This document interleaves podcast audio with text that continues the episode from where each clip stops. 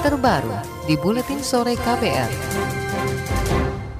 Saudara koalisi partai pendukung Joko Widodo Ma'ruf Amin diperkirakan akan bergolak setelah Jokowi menyatakan komposisi kabinet 2019-2024 telah final. Pengamat politik dari Universitas Islam Negeri Jakarta Adi Prayitno menilai potensi penolakan dari parpol koalisi juga besar lantaran komposisi kabinet sebenarnya belum final dan masih bisa dinegosiasikan. Dia menduga Jokowi ingin menunjukkan ke publik bahwa dirinya tidak bisa diintervensi partai dalam memilih para pembantunya di kabinet. Kalau potensi resistensinya pasti ada.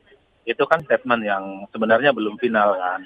Negotiable tapi statement ini kenapa disampaikan sekarang ini sebagai bentuk respon kepada publik bahwa Jokowi itu tidak bisa diintervensi dalam menentukan pilihan menterinya ke depan. Makanya dia memberikan sinyal gitu ya bahwa kalangan profesional 55 itu menegaskan dia akan lebih independen dan mandiri dalam menentukan menteri. Pengamat politik Adi Prayitno memprediksi Partai Gerindra akan mendapat kursi di kabinet Jokowi periode kedua. Sinyal merapatnya Gerindra ke koalisi semakin terlihat dari makin mesranya hubungan Prabowo Subianto dengan PDI Perjuangan. Prabowo bahkan hadir di Kongres kelima PDIP yang digelar di Bali kemarin. Dinamika ini pasti mengundang penolakan dari parpol Koalisi Indonesia Kerja. Parpol yang paling kentara menolak bergabungnya Gerindra adalah Partai Nasdem. Saudara Presiden Joko Widodo menegaskan punya hak prerogatif dalam memilih para pembantunya di kabinet. Jokowi yakin partai-partai di koalisi pendukungnya bakal menerima keputusan yang ia buat. Jokowi berjanji bakal mengumumkan susunan kabinet kerja jilid 2 dalam waktu dekat. Tapi kalau kita lihat masyarakat menunggu, pasar juga menanti sehingga e,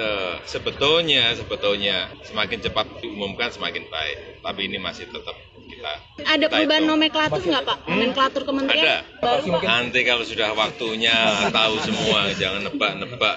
Kamu tahu enggak kabinet itu apa? Kabinet itu adalah hak prerogatif presiden. Menteri itu adalah hak prerogatif presiden. Tentunya parpol harus menerima ya. Presiden Jokowi menyebut komposisi kabinet kerja periode 2 bakal diisi 55 persen dari kalangan profesional dan 45 persen dari partai. Ia juga memastikan kursi Jaksa Agung akan diisi tokoh non-parpol. Kabinet mendatang kemungkinan masih berjumlah 34 kementerian lembaga, ada kementerian yang digabung atau ditambah tugasnya, serta ada kementerian baru yang mengurusi ekonomi kreatif dan investasi. Sekjen Partai Nasdem, Joni G. Plate mengklaim partainya menerima keputusan apa pun yang diambil Jokowi dalam menentukan komposisi kabinet. Dia juga menyebut Nasdem tak ada masalah jika ada kader partai non-koalisi mendapat kursi menteri asalkan memberikan manfaat dan memiliki komitmen politik. Joni yakin Jokowi akan mengkomunikasikan ke partai-partai koalisi pendukung sebelum mengambil keputusan final. Dia mengklaim Nasdem tidak pernah meminta jatah menteri ke Jokowi. Bahwa Pak Joko Widodo sudah bisa membentuk kabinetnya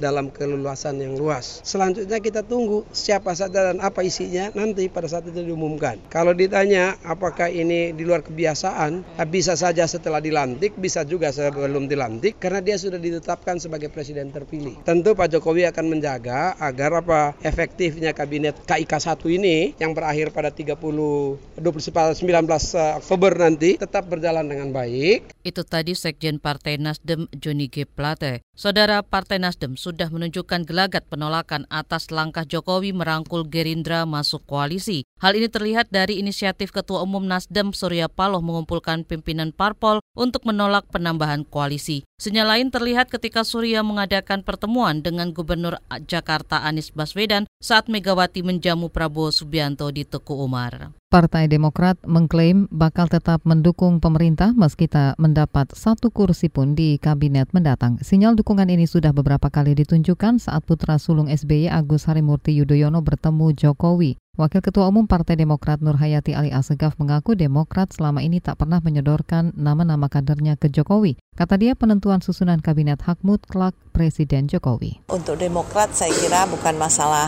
menteri atau tidak menteri ya, tapi ketika kita sudah menyatakan kita uh, bersama pemerintah ya apa pun keputusan pemerintah kita akan hargai khususnya Presiden Jokowi selaku presiden terpilih ya hak prerogatif presiden. Jadi kita bukan masalah kita dapat atau tidak dapat kursi. Toh selama ini Demokrat tidak pernah menyodor-nyodorkan menteri juga. Itu tadi Wakil Ketua Umum Partai Demokrat Nur Hayati Ali Assegaf. Sebelumnya Presiden Joko Widodo berjanji segera mengumumkan susunan kabinet untuk periode kedua pemerintahannya. Komposisi kabinet diisi 55 persen tokoh profesional, 54 persen kader partai politik. Jokowi memastikan semua partai pengusung akan menyetujui susunan kabinet yang ia bentuk, tapi ia masih enggan membocorkan nama-nama menterinya itu. Sejenak saudara kita berolahraga bersama Arimba Odeswara. KPR Sport. KPR Sport.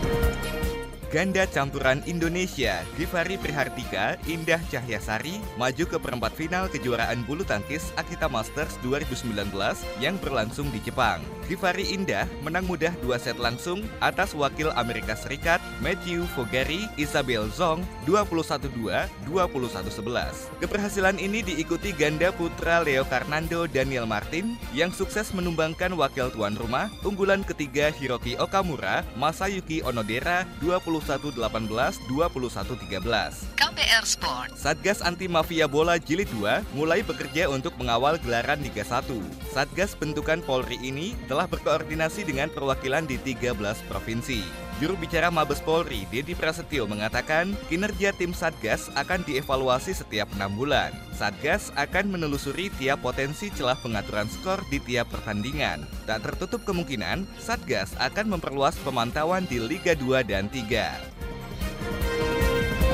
KPR Sport. KPR Sport.